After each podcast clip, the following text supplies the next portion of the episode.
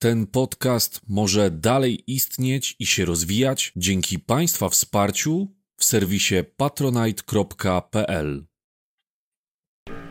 Edukacja. Geoedukacja. Formułowanie prawidłowości albo zależności pomiędzy zjawiskami czy elementami środowiska przyrodniczego to jedno z częściej pojawiających się zadań na egzaminie maturalnym. I w dodatku sprawia ono wiele trudności. Co dziwne, bo tak naprawdę jest dosyć łatwe. No i spróbuję Wam trochę rozjaśnić sytuację, jak rozwiązywać tego typu zadania. Zobaczcie. Te zadania będą mniej więcej mieć podobną treść do tego, które widzicie teraz. Sformułuj prawidłowość dotyczącą zmiany rocznej amplitudy temperatury powietrza wraz ze wzrostem odległości od wybrzeża.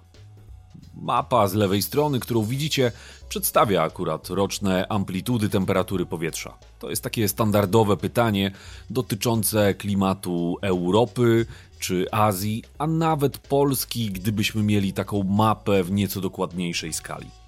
Jak sformułować tego rodzaju prawidłowość? Najprościej byłoby, gdybyśmy gdzieś w brudnopisie z tyłu na egzaminie maturalnym narysowali sobie dwie osie.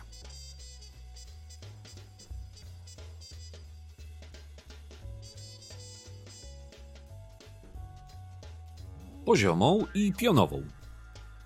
Jedna z nich niech nam oznacza odległość od wybrzeża. Niech to będzie ta oś pozioma.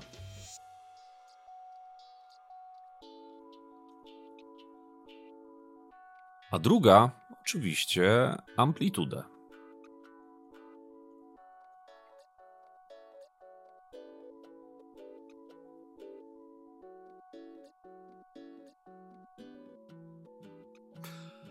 Żeby wyznaczyć prawidłowość, w ogóle, jeżeli pojawia się takie pytanie, to znaczy, że ta prawidłowość musi być. Nie musicie się zastanawiać, czy ona w ogóle jest, czy to prawda. Ona na 100% jest. Wy tylko musicie ją znaleźć. A żeby ją wyznaczyć, trzeba by wyznaczyć linię na tym wykresie.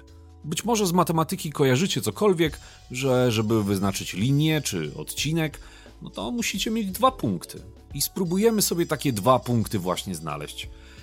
Idziemy w głąb kontynentu. Weźmy sobie Europę, niech będzie, że jesteśmy w tym miejscu i idziemy w stronę kontynentu azjatyckiego.